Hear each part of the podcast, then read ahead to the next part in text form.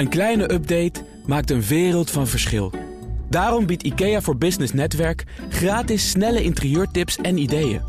Word gratis lid en laat je werkplek voor je werken. IKEA, een wereld aan ideeën. Baanbrekende businessmodellen wordt mede mogelijk gemaakt door Salesforce. Verenig je rond je klant met Salesforce. BNR Nieuwsradio. Baanbrekende businessmodellen. John en Patrick. Naam van je universiteit. Universiteit van Amsterdam. Hoe zou jij het hedendaagse imago van goede doelen willen omschrijven? Positief, maar met uitdagingen. Aan welke organisaties geef je zelf structureel een bijdrage? Nou, aan donaties die eh, door de wetenschap onafhankelijk als meest impactvol zijn bestempeld. Vind jij dat grote goede doeleninstanties zichzelf voldoende vernieuwen?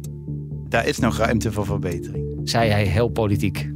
En, beste Paul, welk probleem moeten die goede doelen voor zichzelf gaan oplossen?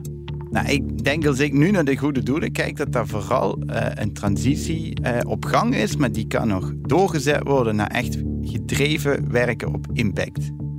Over bedrijven die zichzelf opnieuw uitvinden en nieuwkomers die bestaande markten opschudden. Dit is BNR's baanbrekende businessmodellen. Met mij, John van Schagen en Patrick van der Pijl. Onze gast is Paul Smeets, hoogleraar filantropie en sustainable finance aan de Universiteit van Amsterdam. Van harte welkom. Dankjewel. Nou, we willen met jou het businessmodel van eh, goede doelen gaan ontleden. En belangrijker nog ook onderzoeken hoe zij toekomstbestendig kunnen blijven. Uh, heel veel van die goede doelen drijven op donaties. Dat, en dat doen we ook nog steeds grif in Nederland, hè, het geven daarvan. Ja, Nederlanders uh, zijn best wel genereus. Want uh, wij geven allemaal 5,7 miljard euro per jaar aan goede doelen. En daarvan komt een groot deel van de, de huishoudens? Ja, de huishoudens zijn goed voor ongeveer 2 miljard daarvan. En gemiddeld geven huishoudens zo'n 300 euro per jaar. Ja, dat vind ik best veel. Ja, dat is best een mooi bedrag. En dat laat ook zien, kijk, eh, tussen de 80 en de 90 procent van de Nederlanders doneert aan een goed doel. Dus dat laat ook zien dat Nederlanders goede doelen belangrijk vinden. Het zijn er wel heel veel, hè? Ja, we hebben uh, 48.000 ambistichtingen in Nederland, algemeen nutbeogende instellingen. Dus dat zijn er behoorlijk veel. En, en alleen al dit jaar en zijn er eh, weer 5000 nieuwe bijgekomen. Alleen al dit jaar 5000 erbij. Ja. Zijn het er niet te veel?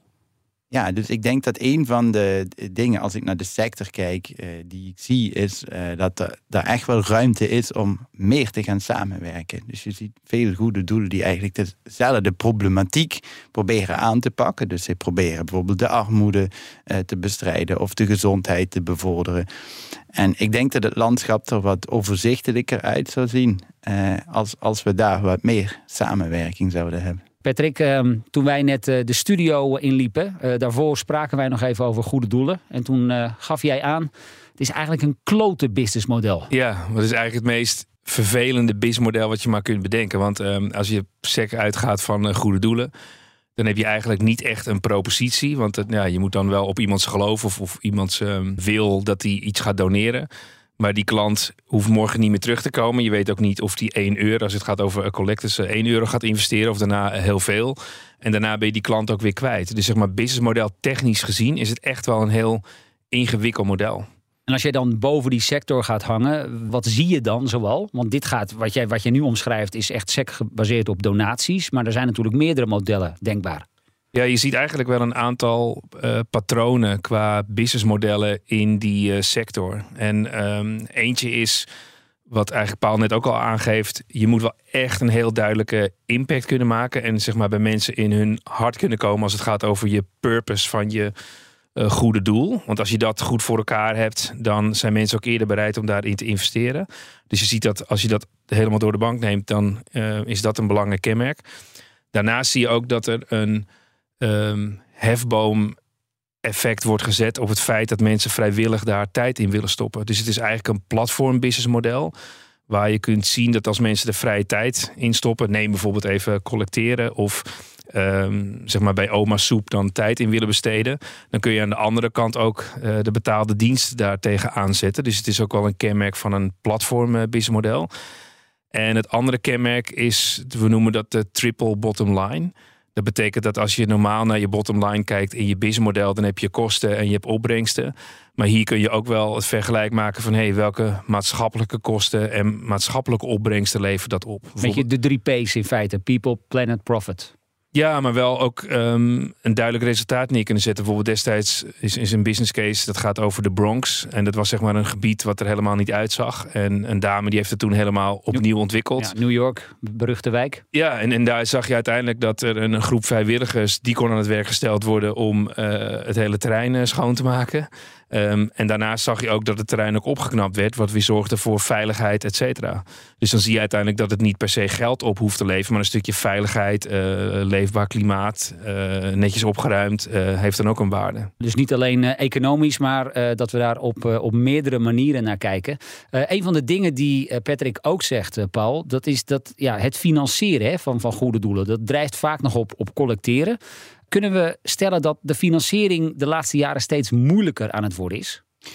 Ja, dus kijk, wat je nu ziet is dat uh, eigenlijk heel veel geld nog bij goede doelen door bijvoorbeeld collectors op straat uh, uh, binnenkomt. en, en ik denk dat op dat gebied goede doelen zich vaak nog erg als een commerciële partij opstellen. Uh, en, en ik vind dat eigenlijk niet zo passen bij het idee van filantropie. Want als je het met een businessmodel vergelijkt, het product dat je eigenlijk levert, is dat je impact creëert. Dat je zoveel mogelijk mensen gaat helpen. Uh, en, en dat doen eigenlijk goede doelen ook. Hè. Het een, de ene doet dat beter dan de andere. En het is ook een leerproces. Maar, maar goede doelen uh, brengen echt heel veel uh, mooie dingen voor elkaar. We hebben een enorme daling in, in de armoede bijvoorbeeld uh, gezien. De gezondheid is flink verbeterd, mede door filantropie. Maar ik denk juist dat, dat waar het gaat om, om die impact. Hè, dat daar goede doelen juist zich meer als een bedrijf mogen gaan opstellen. Hè, en meer kunnen gaan kijken van ja, maar met harde cijfers. Hoe kan ik nu onderbouwen dat wat ik doe ook echt zoveel mogelijk impact creëert. Waar het dan bij anders is van een, van een commercieel bedrijf, is dat je juist uh, als commercieel bedrijf concurreer je met elkaar. Maar die goede doelen zouden eigenlijk juist samen moeten werken en moeten zeggen van hey, dit is bij ons niet goed gegaan. Die kennis ook delen met andere goede doelen, omdat ze uiteindelijk hetzelfde doel hebben, namelijk die wereld een stukje beter te maken. Ik kan me nog goed herinneren een project wat we, nou, ik denk bijna iets meer dan tien jaar geleden hadden gedaan vanuit PricewaterhouseCoopers. En gingen we goede doelen helpen om daar ook synergie-effecten in te creëren. Het was ook het idee om de achterkant zeg maar, aan de administratie en zeg maar, het CRM, om dat te combineren. Nou, dat, dat was onmogelijk. Dus Want? uiteindelijk wilde. Onwil. Ja, maar ze vonden het wel moeilijk om uh, te zien van hey, welke donateuren heb jij dan en welke heb ik en gaat dat uh, elkaar uh, cannibaliseren. En dat is natuurlijk eigenlijk zonde. En is laatst een initiatief geweest van Salesforce en die hebben bijvoorbeeld in een, een sprint een stuk software ontwikkeld voor, ik meen KWF, om uiteindelijk dat collecte stuk ook veel beter te organiseren. Ja, uiteindelijk gun je dat natuurlijk elk goed doel. In plaats van dat iedereen dat opnieuw moet gaan uh, aanschaffen. Nou, ik uh, heb daar zelf iets van mogen meemaken. Ik heb dit jaar gecollecteerd voor KWF. En uh, ze hebben dat goed geregeld. Want je krijgt ook updates van hoeveel je hebt opgehaald. En, dus het is niet uitsluitend digitaal. Je gaat nog steeds langs de deur ja. om te collecteren. Ja, maar wel, KWF deed het dit jaar alleen met een QR-code. Uh, en daarmee zijn ze denk ik wel de eerste in Nederland die dat doen. Dus je kunt niet meer uh, met, met muntjes kun je collecteren. En ik weet uit eigen ervaring, de, de collectebus zit weliswaar digitaal een stuk voller dan wanneer iemand uh, allemaal nog kleingeld in je bus aan het stoppen is. Wat vaak ook irritant lang duurt overigens. Ja, dat, dat is heel herkenbaar. Ik hoor dat ook van andere goede doelen. Dat als mensen dat digitaal betalen. het wordt nu ook vaak via, via de app gewoon gedaan, ja. die, die fondswerving. Ja, je gaat niet 1 euro dan... 5 euro. Over, dan is het 5 euro. Ja. ja. Hey, en tegelijkertijd hoor ik jou ook wel zeggen, Paul, die fondsen zijn heel lang bezig geweest en misschien nog steeds wel bezig met die focus op inkomsten genereren. En jij zegt ze zouden eigenlijk veel meer naar impact maken moeten. Kijk, de worsteling is dat uh, mensen doneren op het moment dat ze gevraagd worden. Dat is gewoon een van de belangrijkste redenen waarom mens, mensen geven. Dus ik snap ook wel dat dat een worsteling is voor die goede doelen. Maar tegelijkertijd denk ik dat het ook wel heel makkelijk is om gewoon maar te blijven inzetten op die commerciële partijen die jou op straat aanspreken. Uh, uh, omdat dat nu eenmaal is de manier waarop het gebeurt. Nou, en één mooi voorbeeld van een Nederlands goed doel dat die focus op dat, die geldstroom losgelaten heeft, is het Longfonds. Uh, en, en bij het Longfonds hebben we gezegd van nou, wij gaan eerst kijken welke impact willen we maken. En pas daarna gaan we kijken, oké, welk geld is daarvoor nodig en hoe gaan we dat ophalen. En zij doen bijvoorbeeld niet mee aan dat soort uh, uh, fondswerving op straat. Maar om impact te maken heb je toch donaties nodig? Heb je uiteindelijk donaties nodig. Dus ze waren ook in eerste instantie bang van, hey, gaan we wel net zoveel geld ophalen? Maar het blijkt nu uh, dat ze nog steeds evenveel ophalen. Want uiteindelijk, kijk, wat denk ik heel belangrijk is, is dat je naar die donateur toe goed blijft uitleggen wat je doet en waarom je het doet. En dan wil je ook die donateur voor, voor lange termijn uh, aan, aan jou vastbinden. Want dat was ook wat je eerst aangaf. Ja, dat gebeurt vaak niet. Uh, maar dat komt ook omdat de goede doelen daar nog te weinig op inzetten. En je ziet dat zo'n longfonds daar bijvoorbeeld wel in slaagt. Omdat ze beter in staat zijn om te vertellen aan die donateur wat ze doen, uh, welke impact ze maken. En als gevolg daarvan is zo'n donateur ook automatisch bereid om langer lid te blijven, om uit de anonimiteit te stappen. Ja, want als ik kijk naar, naar enkele van de goede doelen waar ik aan doneer, daar krijg ik ook uh, uh, heel mooi updates van wat precies met mijn geld gebeurt en ook wat er misgegaan is.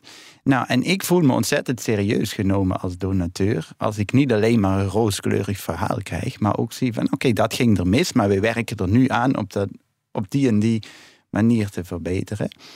En daarnaast denk ik ook dat je mensen niet moet overladen met. Eh, ik, ik, ik, sprak uh, net met, met Bram Schaper. Hij had het voorbeeld gegeven van een mevrouw. Die had van één goed doel 1,2 kilogram aan post per jaar ontvangen. Ja, dat wil je niet. Ja, daar moeten we gewoon vanaf. BNR Nieuwsradio. Baanbrekende businessmodellen. Met deze keer het businessmodel van goede doelen. Daarover straks meer. Maar eerst Patrick, jouw favoriete Engelstalige website, want zo mag ik ink.com inmiddels wel noemen, denk ik. Ja. Uh, kwam met een bericht over emotional friction. En hoezeer dat dan weer te maken heeft met de band die mensen hebben met je product. Leg uit. Ja, dus um, een auteur die geeft een heel mooi voorbeeld. Um, en hij uh, is binnen een bedrijf en daar duren die onderhandelingen over prijzen doorgaans uh, heel erg lang. Um, dus hij zegt tegen zijn contactpersoon: Ik laat je precies zien wat ik doe. Uh, dus wat krijg je daarvoor en, en wat mijn marge is, dan zijn we van het hele gedoe af. Alleen op een gegeven moment die man die zegt, ja, daar ben ik, word ik helemaal niet blij van. Want um, blijkbaar heb ik helemaal geen toegevoegde waarde voor deze organisatie. Als je dat zou doen dus? Ja, als je dat zou doen. En dan denk je uiteindelijk van, hé, hey, maar dan kan ik aangeven wat het kost en wat het uiteindelijk oplevert. Zodat je het ook kunt zien van mij. Maar uiteindelijk gaat het er helemaal niet om. Dus er zit daar dus bij die klant een soort emotionele frictie. En het is dus zaak om dat te onderkennen. Ik heb het verhaal ook gelezen. De auteur die heeft op het einde ook nog drie tips. Ja. Zullen we daar even in vogelvlucht doorheen gaan? Ja, dus één is uh, dat hij zegt van hey, houd rekening met uh, emotionele wrijving. Dus dat betekent dat je niet alleen een functionele waarde verkoopt, maar ook een emotionele waarde. Nou, wij hebben het natuurlijk al heel vaak in onze uitzending, want wij vragen wat is het probleem wat je oplost. Maar dat zit heel ergens anders dan dat het product iets functioneels uh, voor je doet. Um, die andere is eerst welkom en later functies verkopen. Nou, wat bedoelen daarmee? Is dat je eigenlijk eerst die klant beter moet leren begrijpen wie dat is. Zodat je daarna ook kunt vaststellen van hé, hey, wat is nou uiteindelijk de reden waarom die klant het bij mij komt afnemen. Valideer verlangens, behoeften. Ja, kijk, en, en, wat je wel vanuit het verleden zag, is dat je dan bijvoorbeeld in productontwikkeling zoveel mogelijk features en functies ging toevoegen, omdat je dan maar denkt, dan ga ik het verkopen. Maar uiteindelijk zie je nu hoe beter je snapt wat die functies daadwerkelijk moeten zijn, kan je ook met zo'n Nest uh, thermostaat toe, waar gewoon één druk erop uh, op zit. En dan hadden we geloof ik nog een derde, en dat was de zogeheten ballondynamiek als je op een ballon gaat zitten duwen, um, dan moet die lucht ook ergens anders heen. En ik vond het wel een interessant vergelijken. Dus hoe harder jij gaat pushen, dat jouw product echt wel functioneel uh, waarde heeft en dat het ook een goede marge is of een goede prijs. Ja, dan gaat die ballon die kant op duwen wat je eigenlijk niet wil. Want dan gaat iemand nog harder denken van hé, hey, waarom wil je dat zo hard vertellen? Dus je moet je goed realiseren op welke knop je gaat drukken. Um, dus uiteindelijk, bottom line, als je waarde creëert op het ene gebied, dan kan het waarde verminderen of, of de druk verhogen toe op een ander gebied. Emotionele frictie dus. Wij praten verder met uh, Paul Smeets van de Universiteit uh, van Amsterdam um, over de toekomst van goede doelen. En Paul, jij noemde net, um, als je op straat wordt aangesproken door een commercieel bedrijf, een commercieel bureau, om ergens fondsen te gaan werven. En ik krijg ze soms ook bij mij thuis. dan komt er zo'n jonge jonge man, jonge vrouw, uh, met een iPad meestal. En die heeft een heel mooi verhaal. En die, die zijn afkomstig van commerciële bureaus. En Follow the Money heeft daar dit jaar een artikel over geschreven dat uh, heel veel uh, heeft losgemaakt. Want er blijft behoorlijk wat aan de strijkstok hangen. Ja, dus als je via die commerciële bureaus doneert, dan gaan jouw eerste 120 euro gemiddeld. die gaan eerst naar het commerciële bedrijf toe. Alvorens er 1 euro naar dat goede doel toe gaat. En de oprichter van dat commerciële bureau, die kan dan drie keer per jaar op vakantie een hele mooie auto rijden. Die verdienen daar mooi geld aan. En toch maken nog relatief veel goede doelen daar gebruik van. Waarom? Nou, we weten eigenlijk niet goed hoeveel goede doelen daar gebruik van maken. Um, we weten wel dat bijvoorbeeld Greenpeace heeft er gebruik van gemaakt. En nog een aantal van dat soort grote bekende namen. Ja, het zijn met name de, een aantal van de grote bekende goede doelen. Omdat zij op die manier veel geld ophalen. Uh, dat zeggen zij in ieder geval. Uh, maar wat blijkt uit mijn eigen onderzoek, dat eigenlijk de nummer één ergernis van donateurs is juist deze grote hoeveelheid aan verzoeken en vooral op deze manier. En wat ik denk dat misgaat in die, in die uh, kosten-baten-afwegingen bij goede doelen, is zij zien weliswaar geld binnenkomen op het moment dat zij die, die straatwervers uh, inzetten. Maar ze zien niet hoeveel donateurs op de lange termijn stoppen met doneren. En het allerergste vind ik nog, de, de meeste goede doelen maken namelijk geen gebruik van dit soort commerciële partijen. Want kleine goede doelen hebben daar helemaal geen geld voor. Maar je creëert dus wel eigenlijk een negatief effect op die andere goede doelen, doordat jij uh, antipathie uh, creëert. En wat ik dan ook wel irritant vind, is dat je zit vaak meteen vast aan een abonnement. Want nee, nee, je zit er niet aan vast. Je kan er zo even vanaf. Ja, nee, dat klopt. ja. ja, je zou er zo voor kunnen gaan uh, meewerken. dat is, uh... Je bent heel snel ingeschreven en dan vraag ik inderdaad, stel dat ik na een paar maanden zeg van joh, ik wil er vanaf, dan moet ik of weer bellen of ik moet in ieder geval. Ja, ik, en, dat ik is een en dat is een enorm gedoe. Uh, en die mensen worden ook getraind om op jouw gevoel in te spelen ja. en je daarmee daarin te luren. En dat vind ik gewoon niet passen bij de sector. Weet je, de sector goed doen is het sector waar je probeert iets goeds voor de samenleving te doen. Ja, daar past niet bij dat je mensen een, een, een abonnement eigenlijk door de strot duwt waar ze ook nog eens moeilijk vanaf kunnen komen. Na aanleiding ook van dat artikel, ik kan me voorstellen dat er op de bureaus, de boardrooms van heel wat goede doelen wel overleg gepleegd is van moeten we hier nog mee doorgaan? Ja, dus je ziet nu dat de sector uh, echt wel deze discussie aan het voeren is. Uh, en ze zouden ook volgend jaar met een plan komen van ja, hoe, hoe, hoe gaan we hiermee verder? Dus dat volg ik met grote interesse. Ik vroeg jou helemaal aan het begin, vind jij dat goede doelen voldoende vernieuwend zijn? Toen zei je, dat mag wel wat beter. Ja, dus uh, ik, ik zie daar een, een aantal heel mooie voorbeelden van. Uh, van bijvoorbeeld, uh, nou, je, je, ziet een site als doneereffectief.nl. dat is eigenlijk een goed doel dat juist laat zien van hey, wat zijn nu goede doelen waarmee ik per gedoneerde euro zoveel mogelijk kan bereiken. Uh, Kinder doet, uh, doet iets vergelijkbaars um, in Nederland, waarbij zij kijken van nou, hoe, hoe ziet nu dat businessmodel van een goed doel eruit? En op welke manier gaat zo'n uh, goed doel proberen die impact te creëren?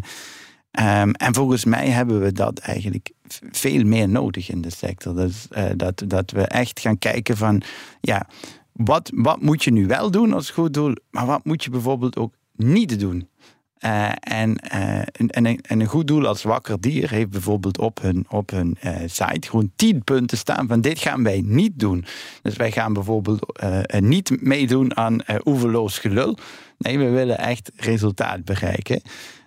maar, maar dat zie ik nog te weinig terug. Eigenlijk die focus van ja, hoe gaan we nu die impact zo groot mogelijk maken? Het draait heel erg om transparantie. Hè? Je verhaal vertellen vertellen wat je doet met elke euro, wat wel goed gaat, wat misschien wat minder goed lukt. En je zegt, dat zouden goede doelen eigenlijk nog beter moeten doen. Ja, en Simavi doet dat bijvoorbeeld ook heel mooi. Hè? Dus ik heb samen met Simavi een wat, studie... Wat doen zij ook alweer? Uh, Simavi richt zich uh, op uh, met name gelijkheid in onderwijs in ontwikkelingslanden. Ja. Dus ik heb met hen een grote studie in Bangladesh gedaan, waar we gekeken hebben naar hoe kun je nu zorgen dat meisjes mee naar school toe gaan. Nou, wat we zagen is, we hebben dat, dat uh, project doorgemeten, dat het uh, een, echt een heel impactvol project eh, was. Dus dat je echt door toiletten op scholen te bouwen, eh, docenten op te leiden over menstruatie. Want dat is de nummer één reden waarom heel meisjes niet naar school gaan. Ze mogen, eh, als zij menstrueren, niet naar school toe. Nou, wat blijkt is als je, als je dit programma opzet, dat die meisjes dus veel langer in school blijven. Maar wat bleek ook, uh, tijdens de coronacrisis uh, viel dat programma eigenlijk in duigen. Want die, die meisjes die konden niet meer naar school toe. En daar is Simavi eigenlijk heel transparant over. En zeggen van ja, we moeten juist hiervan leren om te kijken hoe krijgen we dat programma weer up and running zoals het was voor de coronacrisis. En dat vind ik heel mooi, weet je, dat ze gewoon ook open zijn over wat er niet goed gaat. En dan samen met wetenschappers uh, gaan zoeken van, nou, hoe kunnen we dit nu beter doen? Ik heb wel een eigen favoriet uh, qua uh, goede doelen. Ja? Um, en dat is een um, club uit uh, Noord-Amerika vandaan. En dat heet we.org. Dus we.org. En kijk, wat zij zeggen is wij helpen om onderontwikkelde communities beter te maken. En dat vind ik wel mooi, want een onderontwikkelde community kan ook bij jou in de buurt zijn.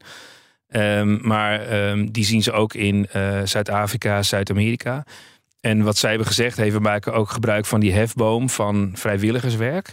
Alleen dan hebben zij als credo: um, we make um, doing good doable. Dus hoe zorg je nou voor dat je dat makkelijker maakt? En dan hebben ze een kanaal als businessmodel. Uh, dat zijn de docenten uh, in de US, waar heel veel materiaal voor wordt ontwikkeld. Waardoor zij denken: hey, dat is makkelijk, want dan kan ik dit verhaal in mijn classroom uh, kwijt. Waardoor de kinderen ambassadeur worden en die gaan goede dingen doen in de wijk. En uiteindelijk elk jaar is er dan een uh, groot eh, concert, een festival. En daar wordt dan geld in gezameld. Maar daar staan bijvoorbeeld de grootste artiesten uh, te spelen. Alleen wat het andere stuk inter interessant maakt en wat Paul ook aangeeft, dat gaat over dat impact. Zij zeggen eigenlijk, we zien dat de onderontwikkelde communities, bijvoorbeeld in Afrika, alleen maar geholpen worden als we de grootste problemen wegnemen. Dus dat gaat zeg maar over gezondheid, dat gaat over water, dat gaat over eten. En wat zij in feite zeggen, als wij niet voor zorgen dat die ouders zeg maar goed op het land kunnen werken en daar de goede spullen kunnen gebruiken, dan gaan ze dus niet hun kinderen inzetten. Dus die kunnen dus wel onderwijs krijgen. En als we zorgen dat er een put in een dorp wordt gebouwd, dan is dat de basis om aan de vijf pilaren dan, zoals zij het noemen. Ja, dus doe niet aan werken. symptoombestrijding, maar los de problemen bij de wortel op. Ja, ja, en ik denk dat Patrick daar echt een heel belangrijk punt heeft. Want je ziet ook wat, wat de, de meest effect, een van de meest effectieve uh, manieren om bijvoorbeeld onderwijs in ontwikkelingslanden te verbeteren. En dat weten heel weinig mensen, is door ontwormingspillen. Maar wat zie je nu? Uh, en dat is ook de Nobelprijs in de economie is gewonnen op dit thema. Uh, je ziet namelijk dat uh, kinderen heel vaak door worminfecties echt wekenlang thuis zitten en daardoor niet naar school kunnen gaan. Dus je kunt daar wel mooie schoolgebouwen neerzetten, maar die kinderen zitten thuis met worminfecties. En je kunt voor, voor, voor pilletjes van een paar euro kun je die kinderen ontwormen. En daardoor zijn ze weken langer per jaar in die school. En dat is dus echt die, die, die problemen bij de, bij de basis uh, aanpakken, zoals ja. Patrick dat En je ziet uiteindelijk dat bijvoorbeeld zo'n We.org, doordat ze zo goed die basis hebben staan op die uh, onderwijsinstituten, dat zij dus kunnen vertrouwen dat er dus uh, gedoneerd wordt. Um, en het andere wat wel mooi is, zij organiseren er ook wel andere dingen bij. Dus je kunt dan ook wel, als je je kwalificeert met je gezin, naar bijvoorbeeld Namibië toe. Om daar uh, een bijdrage te leveren aan bijvoorbeeld lesgeven of, of een schooltje te bouwen of iets anders. Dus je ziet dat, als je het hebt over een verdienmodel, dat model staat echt als een huis. En het wordt eigenlijk al in het onderwijs met de paplepel ingegoten. Uh, Paul, van Noord-Amerika weer terug naar dichter bij huis. Uh, ik zie ook heel veel mensen die zelf een actie beginnen. Via crowdfunding bijvoorbeeld.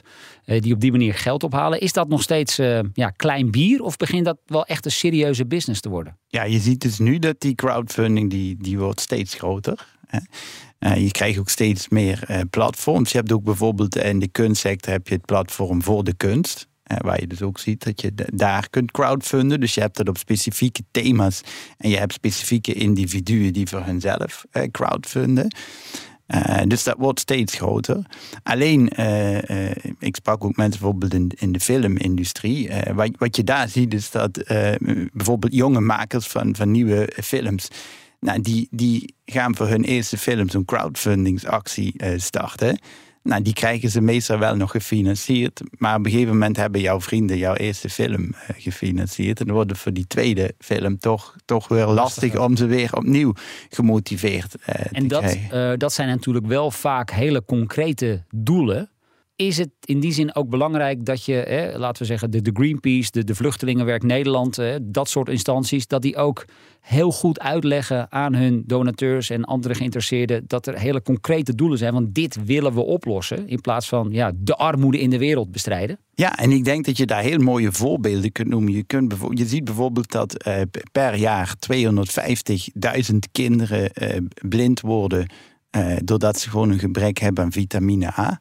En die vind je in boter en eieren, in, groenten zoals wortels en spinazie. Uh, nou, en je kunt dus voor 2,50 euro kun je die kinderen vitamine A-supplementen geven. En daarmee bescherm je ze tegen blindheid. Nou, en dat zijn gewoon heel concrete voorbeelden. En ik denk dat, dat het helpt als je donateurs ook dit laat zien. En dat ze niet het idee hebben, oh, ik, ik stop mijn geld ergens in een pot en ik weet niet wat ermee gebeurt. Maar dat je heel concreet kunt aantonen wat je met dat geld hebt gedaan. En daar, en daar is heel veel bereikt ook. Maar ik denk dat dat niet altijd even duidelijk is. Ik denk ook dat de media daar wel een rol speelt. Nou, nu hebben we het gelukkig ook hier uh, over de positieve kanten van goede doelen. Ja, want jij zegt de, de schandalen worden te groot uit. Nou, te groot wil ik niet zeggen. Want ik denk juist dat het belangrijk is dat ook die, die schandalen uh, besproken worden. Ja, en de salarissen van directeuren was ook altijd een uh, geliefd onderwerp in de media. Ja, um, uh, nou, dat is belangrijk dat daar aandacht voor is. Uh, maar over die directeursalarissen, ik, ik vind, het, vind het ook een lastige. Want stel je pakt een directeur die, die een ton per jaar, per jaar verdient, dan kun je zeggen dat is veel geld. Maar als die directeur bij een commercieel bedrijf 7 ton kan verdienen, ja, dan geeft hij eigenlijk ook 600.000 euro per jaar op. Uh, dat is een andere manier om er tegenaan te kijken. Maar dus je ziet aan de ene kant is die, die negatieve uh, kant, die is belangrijk. Maar ik zou ook graag eigenlijk meer die positieve kant willen zien. Van, ja, hey, nou, we zijn hebben... we nu al een half uur ja, aan het dus, doen, dus, dus, Dus dus dat, is heel eh, mooi dat we hier uh, wel dit, uh, deze Ja. kans hebben. Uh, maar we hebben bijvoorbeeld gezien dat er 900.000 levens gered zijn door de Against Malaria Foundation. Dat zijn hele concrete... Hele concrete getallen. Nou, Getallen, en, en, ja. en dus het is heel fijn dat we dat hier uh, ook die kant kunnen belichten. Heel goed. Over positieve ontwikkelingen gesproken, Patrick. Jij noemde net voor, vlak voor onze uitzending ook nog op dat je. Je ziet steeds vaker ook bedrijven die in hun businessmodel een aparte tak hebben voor een specifiek goed doel. Ja. Hoe kan dat er in de praktijk uitzien? Nou kijk, um, je zag bijvoorbeeld bij nou ja, Oma Soep, hè, die ook zegt van wij hebben een, een groot gedeelte van de winst reserveren we om die uh, community te ondersteunen. Ja, een van de gasten in een eerdere aflevering die wij gemaakt hebben. Ja, absoluut. Maar je ziet bijvoorbeeld ook uh, TCS, dat is zeg maar Tata Consulting uh, Group, die um, geeft een heel groot gedeelte ook van hun winst bestemmen ze überhaupt voor goede doelen. Ja, en natuurlijk Patagonia die laatst voorbij kwam, die is natuurlijk extreem, waar die zegt ons bedrijf is een stichting en uh, bijna alles gaat uiteindelijk uh, terug. Dus ja, je ziet wel die beweging voorbij komen. Maar het is wel een, ook een duurzaam element. Omdat je uiteindelijk zegt, we hebben een bepaald product of een dienst die we verkopen. En dat is een aparte propositie. Alleen dan zorgen we er wel voor dat de gedeelte ook naar goede doelen toe gaat. Ja, en wat ik mooi vind, Patrick, aan Patagonia... is dat ik dat ook een oprecht bedrijf vind. Omdat zij dus niet alleen die filantropie doen... om een beetje het bedrijf een, een, een goede spin te geven. Maar omdat hun hele bedrijfsvoering op die manier is ingestoken. Ze alleen maar met biologisch katoen werken in hun hele productie. Dus daarmee wordt het ook geloofwaardig wat zij met hun foundation doen. Ik wil er nog één uh, optie uitlichten. Um, dat zijn de initiatieven à la, ik noem even Alp du 6. He, dan gaan mensen een sportieve uitdaging aan en laten zich daarbij sponsoren. Hoe kijk jij naar dat verdienmodel? Werkt dat? Dat werkt uh, weer eigenlijk voor de reden dat mensen gevraagd moeten worden om te geven. Dus als uh, jij gevraagd wordt van, uh, om, om, je, om je nichtje of je neefje te, te sponsoren, ja, dan, dan doen mensen dat. Omdat het een bekend iemand is vaak. Ja, ja. en, je wil, en, en die mensen wil je ook niet teleurstellen. En, en dat vind ik eigenlijk een veel sympathiekere manier van fondsenwerving dan die agressieve jongetjes op straat. en die, waarvan de 120 euro verdwijnt. Ja, goed dat we dat bedrag nog even een keertje noemen. ja. Uh, tot slot, als we de klok nu eens tien jaar vooruitspoelen, hebben de grote goede doelen wat jou betreft dan nog bestaansrecht? Ja, ik denk het wel, omdat ik wel zie dat die sector nu uh, echt aan het veranderen is. Dus ik zie dat daar die beweging naar die impact gemaakt wordt. En ik denk ook dat je alle twee nodig hebt. Ik denk dat het heel mooi is dat je die kleine initiatieven ziet.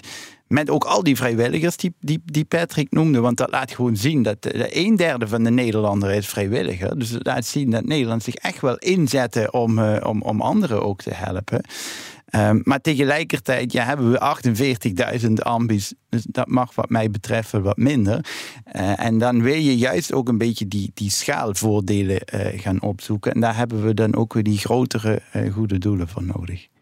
Maar wat ik wel een interessante gedachte vind, uh, Paulus. Kijk, als je bedrijven gaan consolideren omdat je denkt, hey, er zijn te veel bakkers om de hoek, dan gaan ze dat bij elkaar. Maar dat is natuurlijk in de hele goede doelenwereld natuurlijk niet zo. Dus als je straks 48.000 hebt, je zegt, nou, er zijn er heel veel geconsolideerd. Dat gaat natuurlijk nooit gebeuren. Nee, het gaat, gaat ook nooit eentje failliet. Het blijft, nee, en dat is het probleem. Kijk, als je naar, naar, naar start-up bedrijven kijkt, hè, dan gaan er 9 van de 10 gaan eigenlijk uh, kapot. En 1 op de 10 blijft over. En, ja, en dat zie je natuurlijk uh, nog niet gebeuren in die goede doelensector. Uh, dus kijk, ik vond het heel mooi. Rob Matter, de, de, de CEO van de Against Malaria Foundation, al jarenlang een van de meest impactvolle goede doelen. Hij zei tegen mij: Paul, ik hoop dat ik zo snel mogelijk kan stoppen met ons doel. Ja. En dat we gewoon stoppen met de foundation. Want dat betekent dat het probleem opgelost is. Maar dat hoor ik nog heel weinig mensen zeggen. Dankjewel, uh, Paul Smeets van de Universiteit Amsterdam. Dank voor dit gesprek. Patrick en ik zijn er volgende week weer. En wil je voor die tijd al meer luisteren? Check dan ook onze andere afleveringen die je vindt op vrijwel alle bekende podcastkanalen. Tot volgende week. Baanbrekende businessmodellen wordt mede mogelijk gemaakt door Salesforce. Verenig je rond je klant met Salesforce. Een kleine update maakt een wereld van verschil. Daarom biedt IKEA voor Business Netwerk gratis snelle interieurtips en ideeën. Word gratis lid en laat je werkplek voor je werken. IKEA, een wereld aan ideeën.